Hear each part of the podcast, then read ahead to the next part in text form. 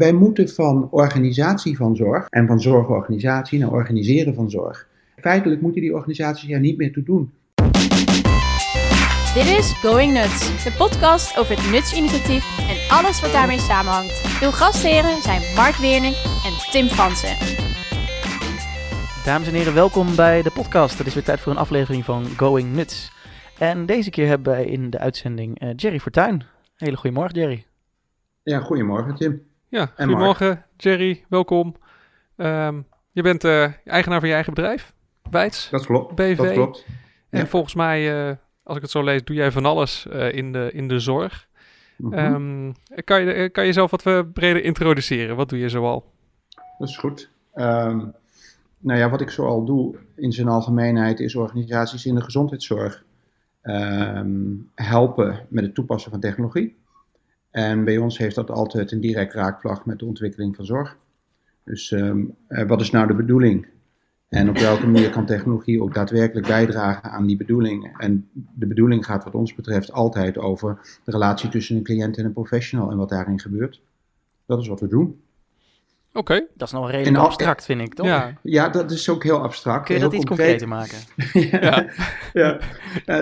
De concrete dingen die we doen is aan de ene kant... Um, helpen we organisaties met de ontwikkeling van zorg. Uh, heel concreet, we doen heel veel in de wijkverpleging uh, aan het ontwikkelen van uh, wijkverpleegkundig meesterschap.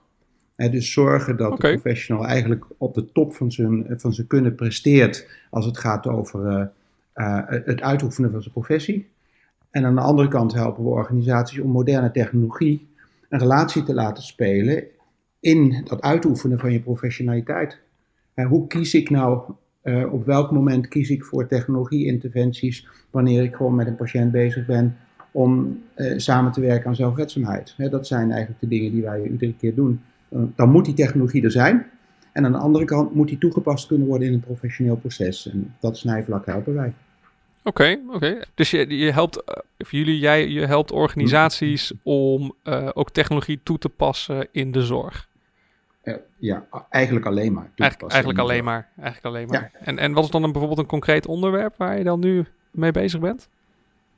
Um, nou, heel concreet uh, uh, twee dingen die denk ik ook gewoon interessant zijn als het gaat over, over nuts. Um, is professionals helpen om te kijken wat gebeurt er nu als patiënten met hun eigen persoonlijke gezondheidsomgeving gaan komen als, als, hè, als, de zus, uh, als de zuster geconfronteerd wordt met een, uh, met een patiënt die zegt, nou dank u wel zuster, mooie anamnese, hè, laat ik het maar even zo zeggen. Hmm. maar mag ik nou ook mijn data gewoon hebben? Ik heb hier mijn eigen persoonlijke gezondheidsomgeving. wat betekent dat nou eigenlijk voor je, voor, voor je handel als professional, voor je vastlegging van je gegevens, voor de interactie die je met een patiënt hebt? En natuurlijk komt daaronder van allerlei technologievraagstukken uit. Nou, hetzelfde geldt over verpleegkundige e-overdracht.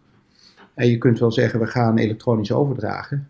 Maar een van de belangrijkste dingen die je moet afvragen is, gaat dat ook helpen in de continuïteit van zorgverlenen? Nou, en dat, dat zijn de dingen die we dan doen. We helpen mee om technologisch te zien die overdracht voor elkaar te krijgen. Maar veel belangrijker voor ons is dat het bijdraagt aan de bedoelingen. Dat gaat over continuïteit van zorgverlenen. Ja, dat het aansluit dus, op het proces.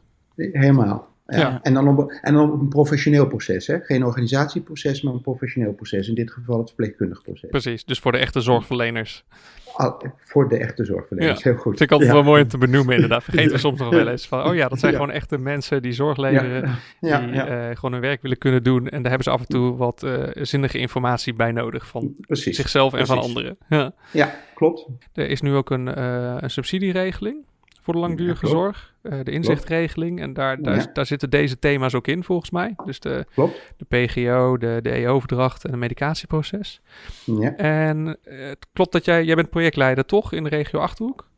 Dat klopt, ja. Ooit, het, het gaat over meerdere uh, projecten en ontwikkelingen. En dan noemen ze dat meestal een programmaatje, maar dat doet er verder niet zo toe. Mm -hmm. um, inderdaad, in de Achterhoek hebben wij drie jaar geleden uh, met alle zorgaanbieders afgesproken uh, dat we samen gaan werken aan het realiseren van die duurzame informatiehuishoudingen in de zorg. Um, toen hebben we ook al uh, de thema's gepakt die, ehm, die je net noemt, Mark. Hè? Zeg maar medicatieveiligheid, persoonlijke gezondheidsomgevingen en verpleegkundige overdracht. en we hebben daaraan toegevoegd het thema regionale zorginfrastructuur. Je hebt ook iets nodig van een infrastructuur om te zorgen dat je de dingen die je functioneel wil doen, ook mhm. bereikt. En ehm, nou ja, dat, waar, waar zitten we nu in dat proces? Uh, we hebben een, uh, een experimentele proeftuin PGO in afronding. Uh, We zitten midden in een proeftuin EO-verdracht. En we hebben ervoor gekozen om PGO-ontwikkeling ja, versneld verder door te zetten.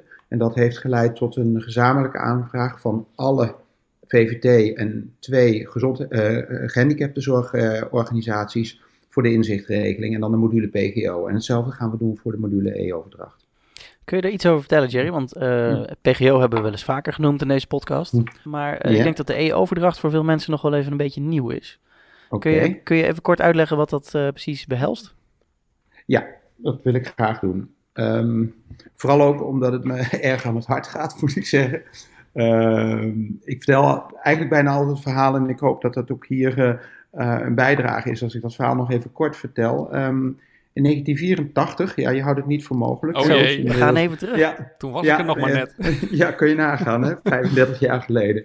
Um, toen verscheen er een boek dat heette Using Computers in Nursing. Dat was eigenlijk het basisboek van wat we nu nursing, nursing informatics noemen, hè, zeg maar verpleegkundige informatiekunde. En daar stond een nursing minimal dataset in beschreven. Ehm, en daar stond ook in beschreven op welke manier je die kon, uh, zoals toen nog heette, automatiseren. En ik vond dat dus een ontzettend gave gedachte. Hè? Dat je dus uh, met computers kon zorgen dat de ene verpleegkundige, als die stopte met de zorg aan een ander, gewoon elektronisch kon overdragen. Hè, wat de belangrijkste gegevens waren, zodat die zorg gecontinueerd kon worden. Dus ik dacht, nou ja, dat gaat allemaal lukken. Nou ja, we zijn nu 35 jaar verder en nu gaan we eens kijken of het gaat lukken in dit land, zeg maar. dat is een beetje... Sommige dingen hebben wat tijd nodig, blijkt. Ja, ja, ja, die Hebben, heel, hebben echt heel veel tijd nodig. Dat is mijn hele leven. Dat was een understatement, geloof ik, hè? Ja, ja klopt. um, maar de, zeg maar de, um, de, de doelstelling of het beoogde resultaat hè, van wat nu loopt, een, uh, een ontwikkeling van het implementeren letterlijk hè, van de informatiestandaard... Uh, EO-verdrag eh, e 3.1. Um, daarvan is het beoogde resultaat verpleegkundigen dragen altijd uh, gestructureerd, digitaal, beveiligd en met toestemming van de cliënt over aan de verpleegkundige die de zorg overneemt. Um, nou, die doelstelling of dat resultaat spreekt mij heel erg aan. Ja. Terwijl, ik ook, terwijl ik ook weet dat dat eigenlijk alleen maar een middel is. En dat middel gaat over, voelen wij ons verantwoordelijk om als we uh, een cliënt overdragen, en soms doen we dat heel, heel regelmatig, hè, dan komt hij ook weer bij je terug, netwerkzorg, om te zorgen dat die ander datgene wat jij met die cliënt besproken en afgesproken hebt, voort kan zetten in zijn of haar domein. En dan gaat het dus echt over continuïteit van zorg. En dat is de essentie. En dat wordt vaak vergeten in dit traject, uh, heb ik het idee. Hebben we het dan alleen maar over overdracht? Bijvoorbeeld, iemand is in de thuiszorg in zorg en valt van de trap de overdracht naar het ziekenhuis en dan van het ziekenhuis weer terug naar de thuiszorg? Of hebben we het ook over uh, overdracht tussen zorginstellingen onderling bijvoorbeeld? Um, of hebben we het over overdracht van verpleegkundigen binnen dezelfde organisatie? Uh, in basis, hè, zeg maar, uh, verpleegkundige overdracht gaat niet alleen over verpleegkundigen die in een verschillende organisatiecontext of zo werken. Het gaat in essentie over het overdragen van de laat maar zeggen, de zorg- of behandelverantwoordelijkheid. Mm dat, daar, van daaruit is het geboren. Van, ik, heb, ik ben klaar en ik draag nu over aan een ander. Dus, en dat is ook een verpleegkundige. En je zegt eigenlijk, het maakt niet uit of die persoon nou binnen dezelfde organisatie werkzaam is, of in een e-, andere organisatie, of zelfs een andere zorgcontext. Klopt. Uh, wat, wat je nog een beetje terugziet in, in een hele denklijn over verpleegkundige overdracht, is dat er sprake is van eigenlijk een volgordelijk proces. Wat, wat, gewoon is van ik ben klaar en doe het naar jou toe en dan ben ik er ook klaar mee. Maar als je heel kijkt naar de ontwikkeling van de zorgverlening in de afgelopen, nou ja, zeker 10, eh, 20 jaar, is er, is dat, geldt dat eigenlijk niet meer. Um, hm. Eigenlijk gaan we in toenemende mate in een, in een netwerk van zorgverleners die ieder een eigen verantwoordelijkheid hebben in die zorgverlening, met elkaar aan de slag met die cliënt en met zijn zeg maar, sociale netwerk. Ja. En dan gaat overdragen vaak veel minder gestructureerd en het heeft ook veel minder het karakter van een klassieke overdracht, maar veel meer ook van elke keer elkaar op de hoogte brengen van wat er aan de hand is. Ja. En dat, ja, dat, dat, is veel, dat is dus veel complexer dan alleen maar mevrouw is gevallen. Uh, oh, de huisarts stuurt, uh, stuurt in, of de huisarts stuurt in uh, naar het ziekenhuis omdat er al langer iets aan de hand is. de wijkverpleegkundige, want daar spreek ik graag van, weet dat ook en draagt mhm. dus over aan de verpleegkundige in het ziekenhuis. Maar verpleegkundigen werken natuurlijk in heel veel contexten. Dus het gaat ook over als mevrouw nou, echt niet langer thuis kan en de, de wijkverpleegkundige uh, uh, heeft dat geconstateerd. En samen kom je tot de conclusie dat het toch uh, mevrouw ja, ergens moet gaan wonen waar ook zorg is. Hè, laat maar zeggen de ouderwetse verpleeghuiszorg, maar nu wonen met zorg. Mhm. Ook dan is er sprake van een verpleegkundige overdracht. Volgens mij beschrijf je ook een soort uh, transitie van wat dan vaak nu een soort estafettezorg uh, naar ketenzorg ja, wordt genoemd. Klopt. Zeg maar. In plaats van dat we stokjes doorgeven, werken we gewoon samen gelijktijdig. En, dat, en volgens mij is dat ook wat, wat jij vertelt van dat, dat stelt dus hm. andere vragen over uh, gewoon praktische samenwerking tussen zorgverleners. Klopt. Maar dat stelt dus ook andere vragen over informatievoorziening. Ik haalde eruit van estafettezorg naar netwerkzorg. Dat zei ik toch? Ja, ook. Nee, je zei ja, je zei keten. Zei keten? ja. Zei ik dat echt? Ja, je zei van estafette naar keten. Ik denk, dat is toch hetzelfde? Dat is echt heel dom, zeg. nee, dat is niet heel, dat is niet heel dom. Dat is, dat is gewoon een verspreking. Dat is gewoon een verspreking. Uh, Wauw. Ik, bedoel, ik bedoelde wel netwerkzorg. ja, nee, dat klopt. Maar het is inderdaad naar netwerkzorg. En, en dat betekent eigenlijk... Ja. ja, klopt. Ja, uh, maar dat, maar dat, dat betekent eigenlijk hè, dat, dat mm. dus de patronen van communicatie en interactie veel meer fluïde zijn dan de klassieke estafette van ik draag het stokje over en dan is het gewoon klaar. Mhm. Dus dat betekent ook dat als je het even in technologisch opzicht gewoon duidt, hè, dat um, een, een berichtenoverdracht is in zo'n estafette model eigenlijk het heersende ding. Nou, dan doe je dus een bericht van A naar B elektronisch. Maar bijvoorbeeld de uh, chat en al dat soort dingen um, is eigenlijk veel meer uh, dagelijks aan de orde. Ik moet even ruggespraak houden of ik wil even iets weten van een collega die ook betrokken is bij die zorg. En je ziet dus allerlei technologieën ontstaan die veel meer eh, die netwerksamenwerking in de vorm van chat en allerlei andere functionaliteiten ondersteunt.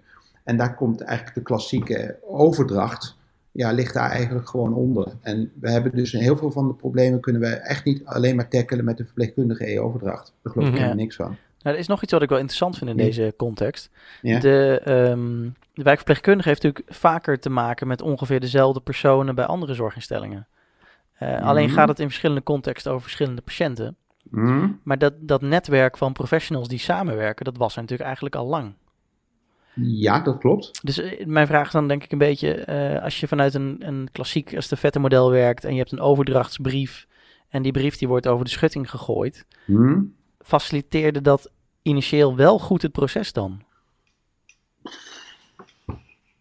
Um, is dat een te moeilijke vraag voor de, de vrijdagochtend? Nou, nee, eh, de, de, de vraag is eh, niet te moeilijk, maar er zit een veronderstelling in, Tim. En de veronderstelling is dat er, uh, laten we maar even zeggen, dat er een verpleegkundige overdracht was. En wat gebleken is in allerlei uh, on, uh, onderzoek, ook de afgelopen periode weer, uh, ik heb net gisteren cijfers nog gezien van 2017 het Achterhoek zelf. Uh, er werd nul keer in dat jaar vanuit de VVD, hè, dus vanuit de wijkverpleging, overgedragen naar het ziekenhuis. Dat is niet veel. Nul. Dat is heel weinig, ja. Nul. En, en dat is ook best begrijpelijk, omdat in een groot aantal gevallen de wijkverpleegkundige helemaal niet weet dat mevrouw is opgenomen. Huh. Wat dat gaat via de huisarts? Dat, klopt, die stuurt in. En als het een spoedopname is, dan komt, staat ze voor een dichte deur. En op het moment dat zij dan uh, überhaupt weet, en meestal is dat via de familie of de buurvrouw, die dan zegt: Ja, mevrouw is gevallen en is opgenomen. Uh, en ze, uh, ze heeft een route klaar, of zo, laat ik het maar even zo zeggen. En ze denkt: Ja, ik ga toch maar zijn overdracht doen. Dan moet ze eerst nog maar eens weten waar, waar mevrouw ligt. Ja, waar moet het dan, dan naartoe? En waar moet het naartoe? En dan komt het bijvoorbeeld bij een transferbureau. En die denken dan ook, oh jee, hartstikke fijn. Maar waar ligt mevrouw nou eigenlijk en wie is het eigenlijk? En mm het komt dus echt gewoon voor dat de verpleegkundige overdracht, die met veel uh, ja, moeite en, en, zorgvuldigheid tot stand is gekomen, uh, op de verpleegafdeling terechtkomt waar mevrouw ligt, maar dan is ze alweer ontslagen. ja, want dat, dat, dat, dat, duurt vaak maar kort natuurlijk. Ja. precies, precies. Hè? En, en, vaak dus steeds korter.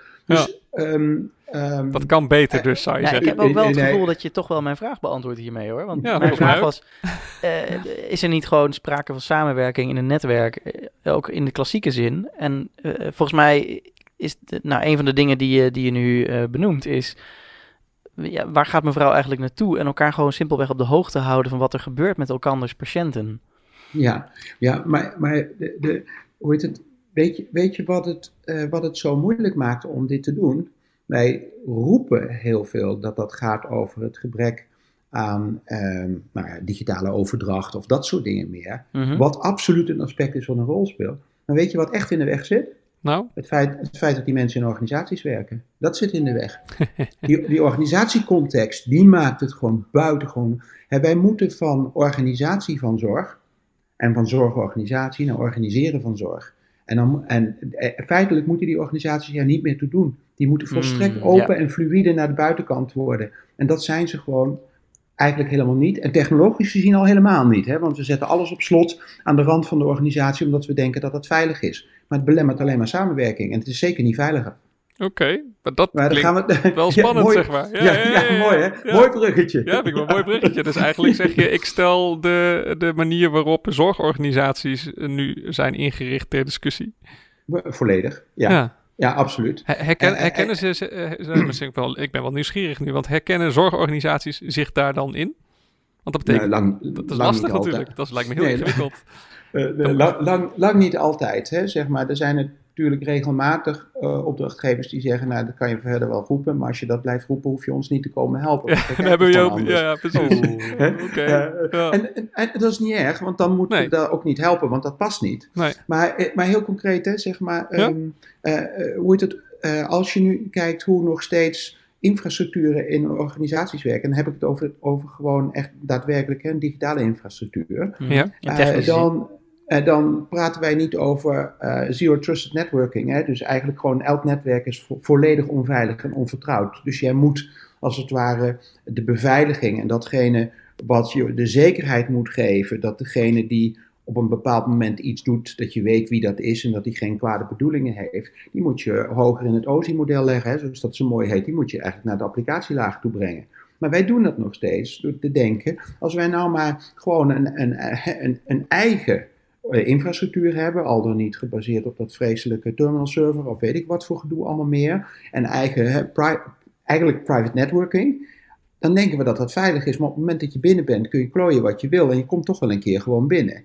Maar het, het, uh, het, maakt het ontzettend moeilijk voor, voor medewerkers van buiten collega's, maar ook medewerkers van binnen collega's, om effectief met elkaar samen te werken als het gaat over patiëntenzorg. Ja. Kijk maar eens hoe moeilijk het is om überhaupt met elkaar een documentje gewoon te delen. Letterlijk, hè? een documentje delen met elkaar en daar samen in te werken. Ja, dat is gewoon een drama. En dan heb ik het nog niet eens over zorg met elkaar gewoon delen en samenwerken. Dat is onmogelijk door A, de organisatie-entiteit en de manier waarop dat in de technologie-infrastructuur is afgebeeld. Dus, die, dus dat moet, die organisaties moeten echt gewoon letterlijk fluïde en open worden. Mogen we dat dit, kan ook, hè? Mogen we dit aangrijpen als een, een bruggetje naar de vraag: hoe ben jij op een gegeven moment op het spoor van nut gekomen? Uh, ja, ja, dat mag je aangrijpen, Tim. Uh, ik, ik, hoor wel wat overeenkomsten namelijk. Ja, ja ik herken wel wat uh, gedachtenlijnen, zeg maar. Ja, ik, um, weet je dat ik het eigenlijk niet eens helemaal meer weet. Ik, ik, ik heb de neiging om te zeggen dat, dat Mark er op een gegeven moment iets over ging roepen. Ik roep nog wel eens wat, dat klopt. Ja. ik, ik, ben de Mark, ehm, Mark en Tim machine zijn wij toch? ja. Um, volgens mij, Mark, was, um, was het startpunt dat jij uh, op een gegeven moment via WhatsApp of zo contact zocht. Uh, dat je zei van ja, ik wil even met je ergens over hebben of zo. En ik weet nog, was op een vrijdagavond, toen zat ik eten met mijn echtgenoten uh, in ons favoriete restaurantje in Geldermals, zou ik maar zeggen. Ja, okay. dan, kun je ook, dan kun je ook nog wel eens eten. Dat weet je dan nog wel heel goed. Ja, ja nee, klopt. Want, want, Prioriteit toen, is mooi, is mooi. Ja, ja. Nou, ik weet het nog zo goed omdat ik toen een afspraak niet nakwam en dat vind ik altijd heel vervelend. Oh, ik had okay. gezegd van, nou, ik, hoe het, ik reageer wel uh, uh, ja, maandag of zo of in het weekend, ik weet niet precies. En toen, toen heb ik dat niet gedaan, gewoon, dan ben ik ik die WhatsApp weer kwijt en dan vergeet ik dat. Nou, in ieder geval, jij was vasthoudend, Mark, dus je kwam erop terug. En nou, toen vertelde je eigenlijk wat, je aan, wat jij besloten had om te doen. Hè? Je zei ongeveer de woorden, ja, wij kunnen wel Ehm, ik ben nu bezig met die ketencommunicatie. En toen wel, hè, ketencommunicatie. En mhm. ja, daar ben ik een tijdje mee bezig. Vind ik eigenlijk hartstikke uh, leuk wel. Toen noemden we dat nog zo. Ja. ja. maar tegelijkertijd bevredigt het me ook niet. Want ik heb ook een beetje het idee dat we eh, toch een beetje... Uh, we doen eigenlijk wat we altijd deden. En dan krijgen we ook wat we altijd kregen. En dus misschien moeten we het wel echt anders doen. En toen vertelde je nou ja, laat ik maar zeggen, van het initiatief wat je wilde nemen met, of genomen had met een paar collega's. En je noemde dat nuts. En nou ja, toen ben ik me daar maar even in gaan verdiepen in de zin van wat is het dan? En weet je, de basis voor mij was, ehm, wat me heel erg aansprak, was dat het volledig paste bij, in ieder geval mijn, maar niet alleen mijn, maar eigenlijk de generieke denklijn die we eigenlijk toch hebben. Het gebeurt in die relatie tussen een cliënt en professional. Daar moet dus ook gewoon het vraagstuk opgelost worden van vertrouw je elkaar nou om te, te zeggen, jij mag gewoon dingen doen met mijn gegevens waar ik je toestemming voor geef, omdat het mij helpt. Mij, hè? in dit geval mij, Jerry, als persoon, als patiënt of als cliënt. Ja, en, en, en, en, dat doen we, en dat doen we buiten de organisaties op. Want die werken dat gewoon vooral tegen en heb je heel veel last van. Die snappen er toch niks van, zeg ik dan maar oneerbiedig. En we doen het buiten de ICT-dienstverleners om laat ik maar zeggen. Want ook die moeten er niet tussen zitten en die moeten ook niet denken van wij gaan ergens over. Nee, het zijn jouw data niet. Hè? Zeg maar, jij bent alleen maar een platform waarop die data neerdalen. En toen dacht ik, nou, vind ik gaaf. Ja. Mijn goed idee, goed idee, zoiets. Ja, je hebt de data eigenlijk de gast. Wat zeg je? Je hebt de, data eigenlijk de gast, zeggen we Ja, ja, ja letterlijk. Ja. dat klopt. Ja, die komt toevallig voorbij. Ja. Ja. Nou, niet heel toevallig. En de patiëntenfeiten ook, heb je ook de gast klopt. Precies, hè. Nou ja, eh, vaak zeg ik het nog omgekeerd. Zeg, het enige constante wat in het zorgnetwerk gewoon is, dat is die patiënt zelf. En alle anderen zijn toevallige passanten die een tijdje een rol spelen in dat leven. Ja. Dus dat betekent, en dat verklaart voor mij waarom ik gewoon PKO in basis gewoon een buitengewoon goed idee vind. Ja. Want, want het enige constant is mijn eigen leven. Dat is niet die zorgverlener. Ja, maar omgekeerd geredeneerd ook. Hè. Wat ik net ook ja, proberen. Voor de zorgverlener is de patiënt dus juist de passant. Heel en goed. is het netwerk met, van collega's is weer de stabiele factor. Heel goed. Precies, precies waar. Dat ben ik helemaal met je en eens. En hoe breng je dat bij elkaar? Ja, dat is mooi. Klopt. Ja, klopt. ja, ja. Ja. Nou ja, en dat moet eigenlijk redelijk ad hoc kunnen ontstaan. Dat, dat die verschillende werelden elkaar even raken en daarna weer uit elkaar gaan.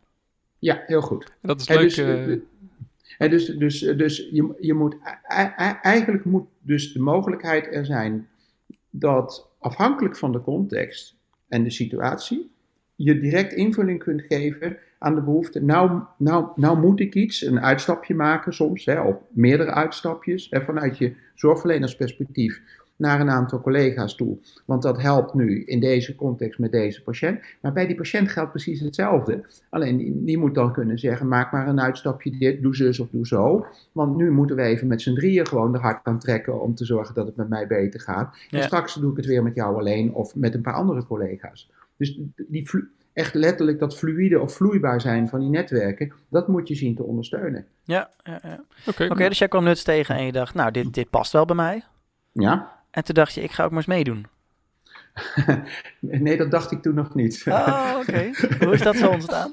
nou, uh, uh, ja, wanneer besloot ik wat te doen? Op enig moment belde Mark op mij op. En ehm, ja, laat ik maar zeggen, via een wat omzichtige wegen ging die vertellen dat, uh, want ik had wel gezegd, uh, al eerder gezegd tegen jou, Mark, van zorg dat je het veel verder van Nederland af positioneert. Dat Klopt. kan je alleen maar doen naar onafhankelijke stichting of op een andere manier, maar doe dat. Ik kan me dat ook nog wel herinneren. Volgens mij uh, vroeg ik ook aan jou, Jerry, van um, ken jij nog mensen die in ons bestuur willen? Want wij zaten toen, we hadden, ik weet niet of we de stichting al hadden of aan het oprichten waren. Wij waren ermee bezig om dat op te gaan richten. En we hadden toen bedacht, precies, wij hadden ook het idee van, ja, het is niet van Nederland, hè, dat, dat was de open source community, was die al niet, maar hoe maken we dat nog duidelijker? Nou, laten we een losse mhm. stichting doen, maar dan moeten daar ook vooral andere mensen in zitten. Mhm. Van buiten Nederland. En toen heb ik aan jou volgens mij gevraagd: ken jij nog mensen, Jerry?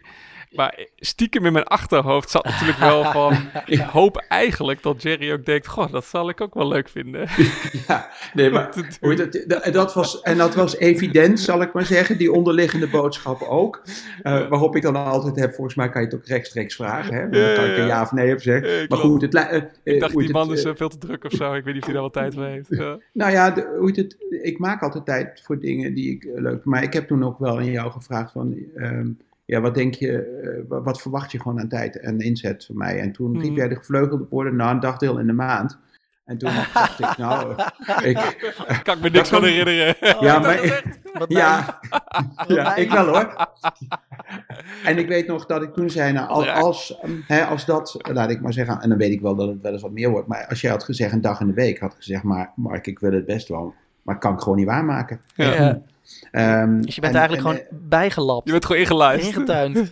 uh, ja, maar ik hou, uh, hoe heet het, maar ik kan nog wel altijd terugvallen op basis, uh, door te zeggen van ja, dit was volgens mij een beetje de inschatting. Als dat nou helemaal niet meer klopt en het lukt gewoon niet, ja, dan moet, moet, dan moet ik daar, vind ik, een consequentie uit trekken en zeggen, joh, volgens mij moet ik een, een goed alternatief zoeken. Weet ja, je? Als ik niet waar kan maken wat, wat gevraagd wordt, dan, dan gaat dat op enig moment gewoon uh, wringen en dat is niet fijn. Is ook zo. En, en, in mijn verdediging denk ik dat ik ook heb gezegd, um, die tijd hoeft natuurlijk niet helemaal los te staan van wat je al doet. Dus volgens mij, uh, we, zochten ook mensen in het bestuur, vooral die al een bepaald netwerk hebben en bij zorginstellingen en leveranciers komen en dat je het eigenlijk in je, in je koffertje meeneemt, zeg maar, dat je ook het nutsverhaal ja. hebt. Ja, en, dat, en, dat, het in die zin niet heel veel extra tijd hoeft uh, te kosten. Nee, maar dat, dat, dat, dat is ook, dat is ook de reden waarom ik erin gestapt ben, hè, zeg maar, als ik ik uh, die twee rollen kan combineren zonder dat, want dat gebeurt natuurlijk toch, hè, dat mensen uh, allerlei vormen van verdachtmakingen naar je uiten. Dat is buitengewoon uh, vervelend, vind ik, als dat gebeurt. Maar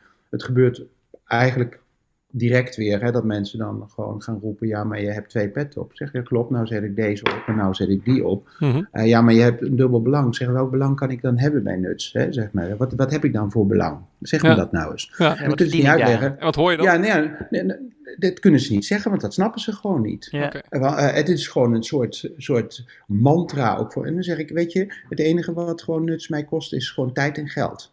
Want ik lever een bijdrage, hè, zeg maar, gewoon mhm. zodat uh, Nuts kan functioneren. Uh, er loop ik echt niet op leeg, maar ik betaal iets aan Nuts. En het enige wat ik voor terugkrijg, is dat ik af en toe met een stel breedback-kikkers gewoon in een of andere Zoom-sessie zit.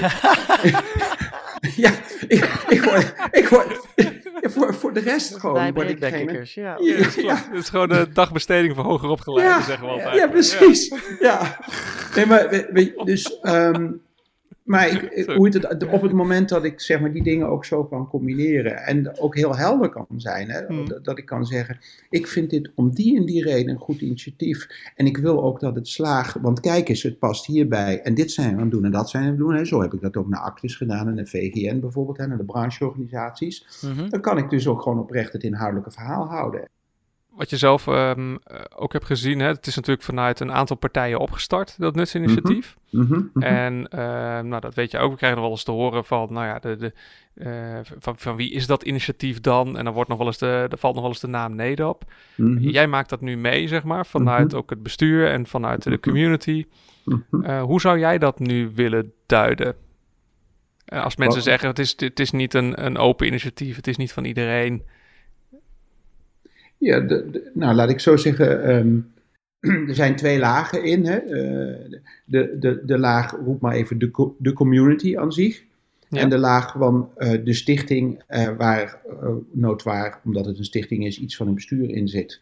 Nou, wat ik waarneem als het gaat over de community, dan bestaat het uit een zeer rijp en groen pluimage van mensen. Die allemaal om hun moverende redenen daarin deel willen nemen.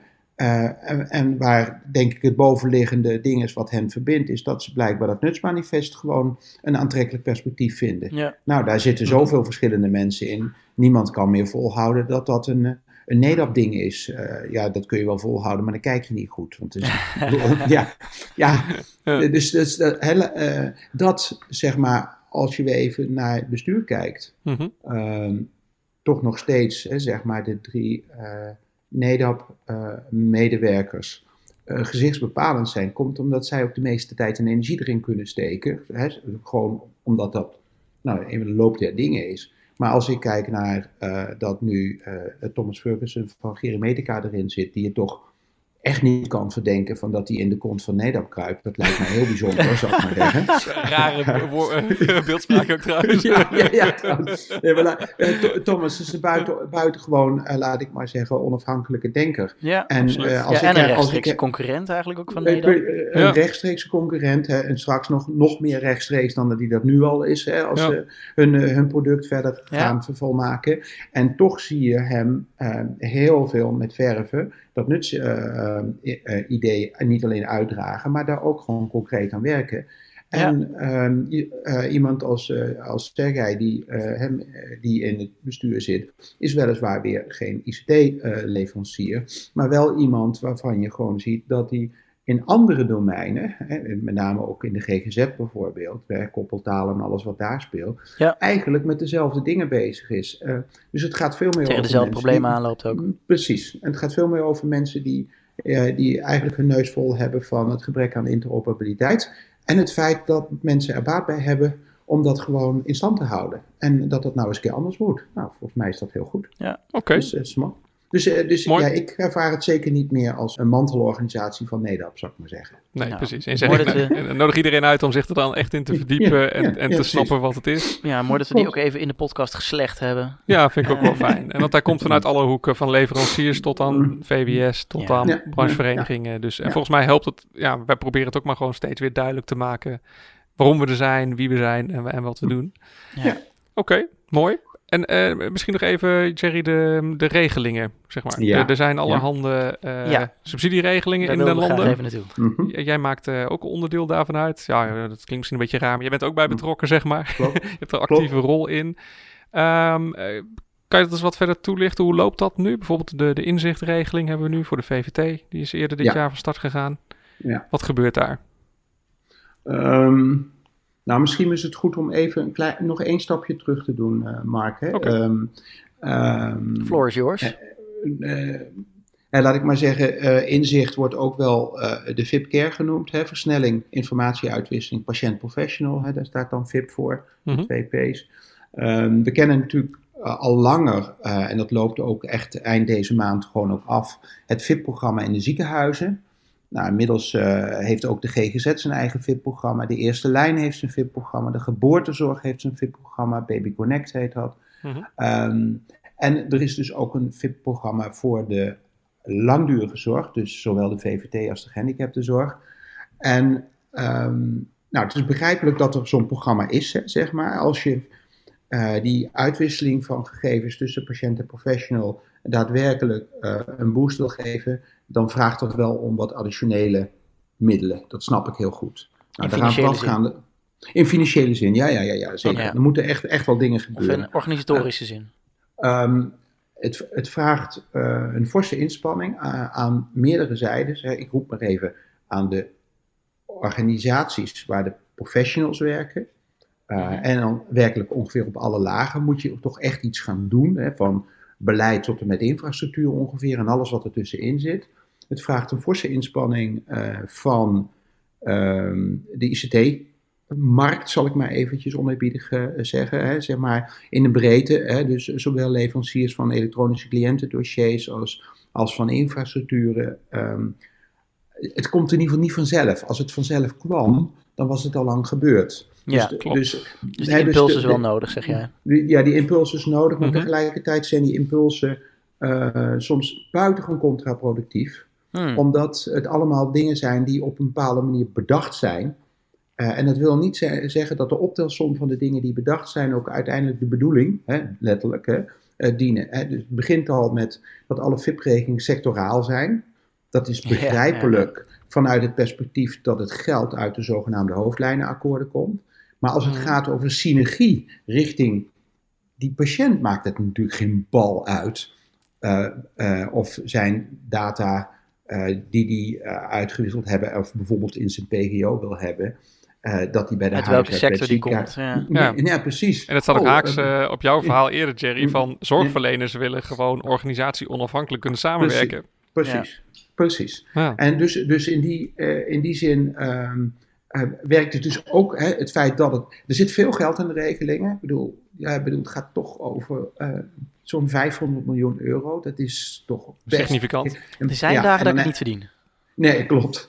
Uh, en als je dan nog het, zeg maar de hele programma rondom het medicatieproces 9.0 erbij zou trekken, waar sprake is van mogelijk een miljard euro aan kosten, zeg maar, hè, nou, dan, dan denk je toch wel, oké, dat mag toch ook echt wel uh, wat opleveren. Dat moet nou, eigenlijk haast. Dat is wel heel erg ja, zonde. Ja, ja nee, maar goed, het gaat toch over uh, uh, geld wat door een, een, hele hoop mensen elke dag gewoon opgebracht moet worden via hun belasting en premies. Dus daar mogen ook wel iets goed mee doen.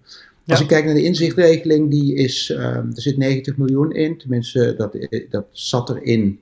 Uh, er gaat dan altijd weer een, een, flink aantal geld af om uh, die regeling weer te coördineren. Hè, zou ik maar zeggen. Je beroemde management- en coördinatiekosten en mhm. complexiteitskosten. Um, ja, de overheadkosten, uh, zeg maar. Ja, de, de, de, regeling is niet makkelijk. Laat ik daarmee beginnen. Um, niet makkelijk, daar bedoel ik mee. Als je het echt een boost wil geven, dan heeft het heel weinig zin als je als, um, als clubje in de VVD zegt, nou ik ga eens een beetje leuk me voorbereiden op PGO. Of uh, nou ik doe nog één ander clubje en dan gaan we eens kijken hoe we verpleegkundige overdracht doen. Het moet echt, vind ik, in een regio massa hebben, want anders is het een druppel op de gloeiende plaat. En dan gaat, het, dan gaat het dus professionals te weinig brengen, dan ontstaat er geen positieve energie. Dus ik heb er van meet af voor gekozen om dat met, een, met, met meerdere partijen in een regio te doen. Nou, als je dan kijkt naar de proeftuinen, dan kon je dat nog vrij makkelijk gewoon doen met het ziekenhuis erbij. Hè? Want het is toch geld uit de ouderenzorg of de langdurige zorg. En het ziekenhuis heeft zijn eigen ding, met huisartsen erbij.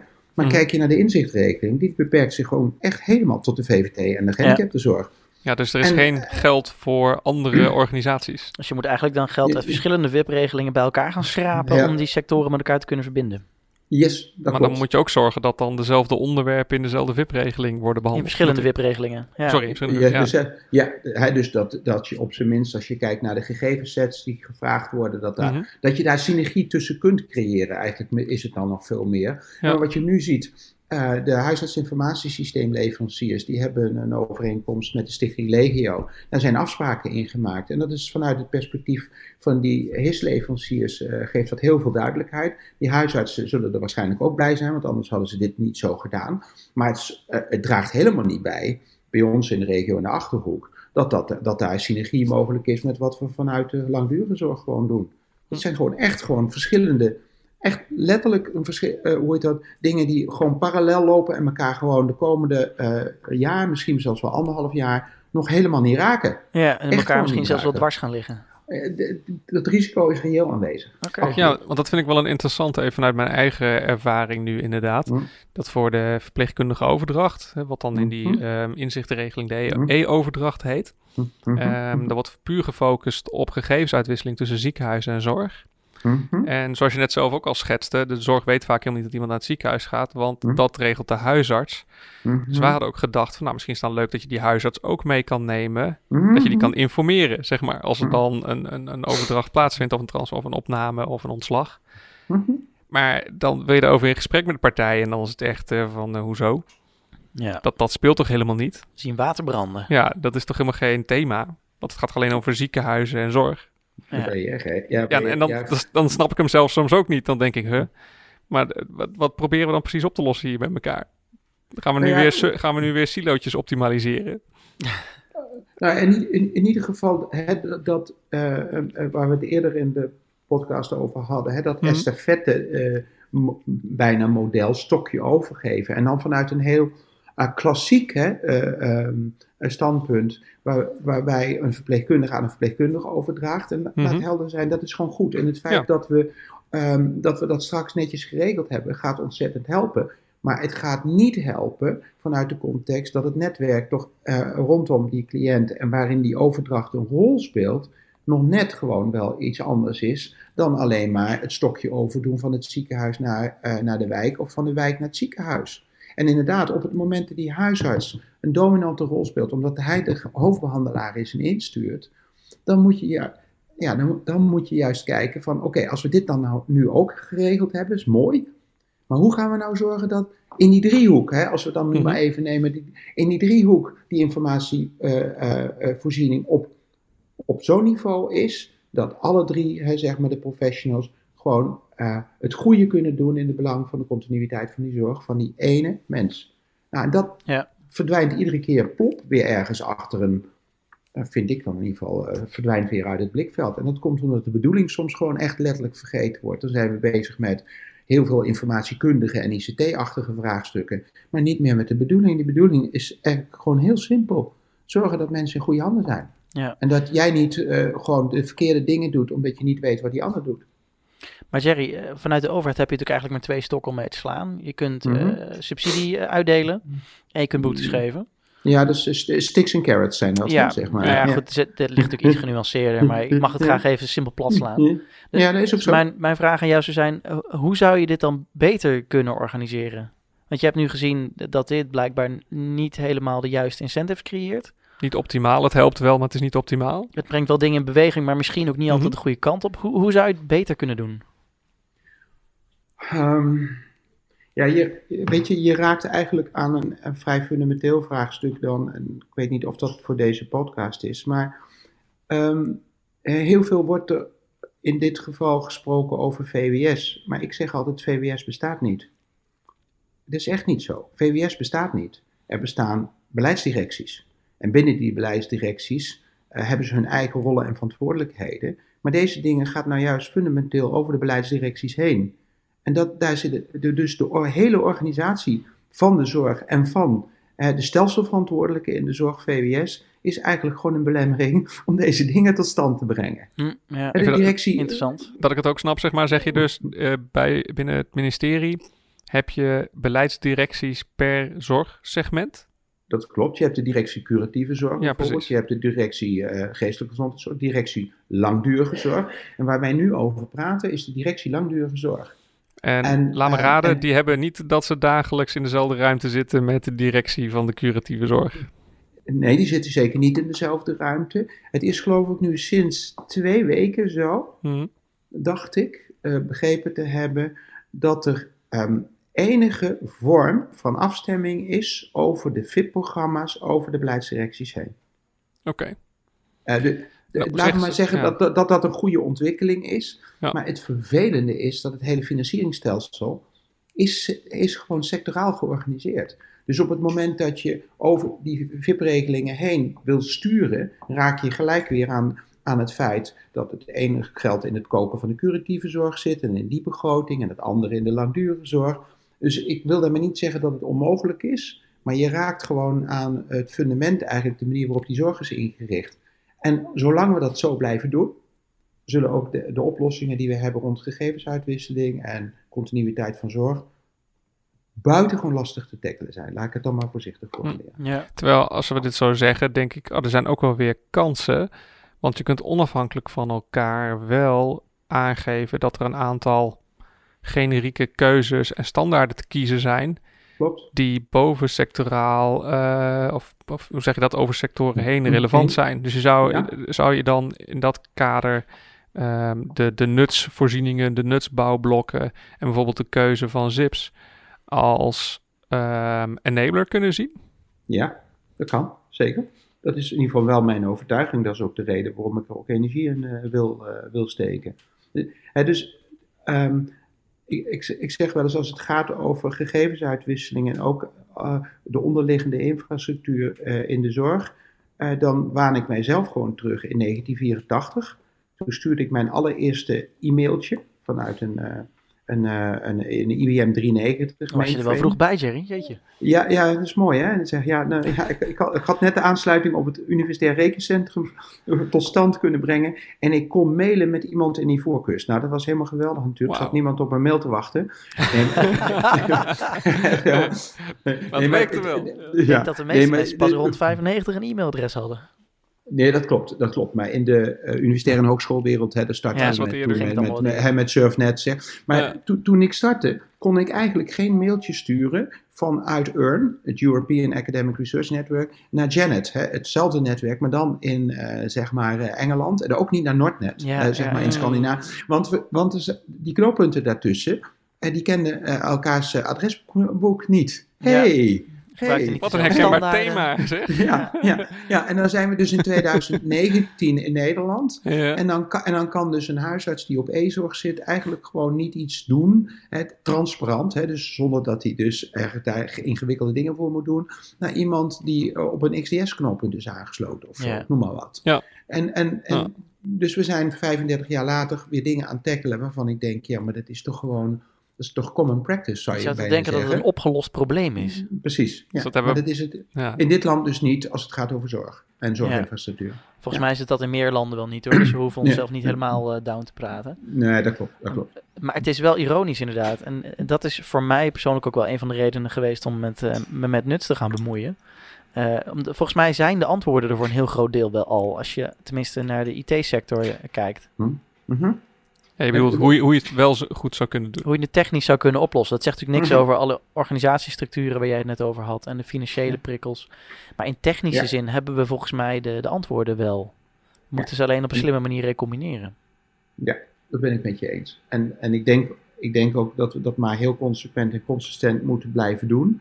Want op enig moment, uh, en dat moet wel relatief snel hoor, want anders gaan zich weer nieuwe dingen zetten die mhm. tegen deze beweging uiteindelijk gewoon inwerken. Hè. Uh, um, als het lukt om het komend jaar uh, in een aantal concrete cases te laten zien dat het echt gewoon kan en dat het dus, en dat er dus, nou, laat ik maar zeggen, generieke elementen zijn die gaan bijdragen aan daadwerkelijk die ontsluiting van die gegevens en dat je dat ook heel dicht bij de handbereik hebt en relatief snel kunt realiseren, dan zou dat wel eens kunnen betekenen dat we een hele hoop discussie gewoon eh, de komende jaren niet hoeven te voeren, maar vooral aan oplossingen kunnen werken. Want er wordt nu vooral veel over vergaderd, hè? Ja, dat, ja, dat viel me ook wel op. Man, man, man, man. Ja, daar hebben we, in ons initiatief doen we dat niet zoveel, hè? Nee. nee, dus, je, moet, je moet af en toe wel even iets tegen elkaar zeggen en soms ook iets opschrijven. Maar als we tegen elkaar praten om een tafel en opschrijven, als dat gewoon je belangrijkste activiteit wordt, dan zal er nooit iets veranderen, zal ik maar zeggen. Zo simpel is het gewoon. Volgens mij is het ook maar een middel. Ja, ja precies. Ja, oké. Ja, dat vind ik een hele mooie. Um, tot slot stellen we eigenlijk altijd de vraag aan onze gasten: uh, wat zou je willen zeggen tegen andere partijen? Dus partijen die uh, misschien twijfelen over om mee te gaan doen met nuts. Of um, wat voor advies heb je voor, voor je collega's? Um, nou, de eerste is: verdiep je nou eens echt in iets. Zo. Ja, je moet eerst iets weten voordat je iets wil. En als je iets wil, moet je het ook nog kunnen. En uh, het, ik merk te veel dat mensen dingen niet willen, omdat ze eigenlijk gewoon zich niet verdiept hebben in datgene wat er nou eigenlijk gewoon uh, wat, er wat er gaande is hè, en wat het ook echt is. Ze gaan vooral af op een vorm van een beeldvorming. Nou, dat vind ik dus niet handig. Hè. Je moet altijd eerst even gewoon één laag dieper. En dan ga nou eens kijken, verdiep je. Ja. En volgens mij uh, ga dan ook, uh, ga ook iets doen. Ga het gewoon proberen te doen. Letterlijk. Want als je niks probeert, gebeurt er ook gewoon helemaal niks. En, en laat je leiden door de bedoeling. Dat, bedoel, de enige manier waarop mensen in beweging komen, is dat ze een, een visie of een beeld gewoon met elkaar delen. Ja, een nou, stip aan de horizon. En volgens mij kan je er niet tegen zijn. Tenminste, ik snap niet dat je er tegen zou kunnen zijn dat uh, de, de zeggingskracht en de beschikkingsmacht over wie kan bij mijn data ligt bij degene van wie die data zijn. Want dat is eigenlijk het basisuitgangspunt. En dan denk ik, daar kan je niet op tegen zijn. En als je er niet op tegen bent, ga er dan God u gewoon mee aan het werk met dingen die er al zijn. Nou, zo, zo bazaal eigenlijk. En, nou, mooi. Oké. Ja, kan er nog een heel bevlogen verhaal nog aan vastkomen. Maar dit is volgens mij de essentie. Ja. ja, dus verdiep je erin, zorg dat je weet waar je het over hebt en ga dan ook aan de slag. Ja. God non Zo simpel is het. ik vind het mooi. ik vind het ook mooi. Nou, uh, mooi om hier mee af te sluiten dan. Dus uh, Jerry, mogen we jou heel erg bedanken voor uh, jouw tijd voor deze uitzending. Ja, graag gedaan. En dan zeggen we tegen onze luisteraars altijd nog even go nuts. Go nuts. Dit was Going Nuts. Wil je bijdragen aan deze podcast? Stuur dan een mailtje naar podcast.nuts.nl. Tot de volgende keer.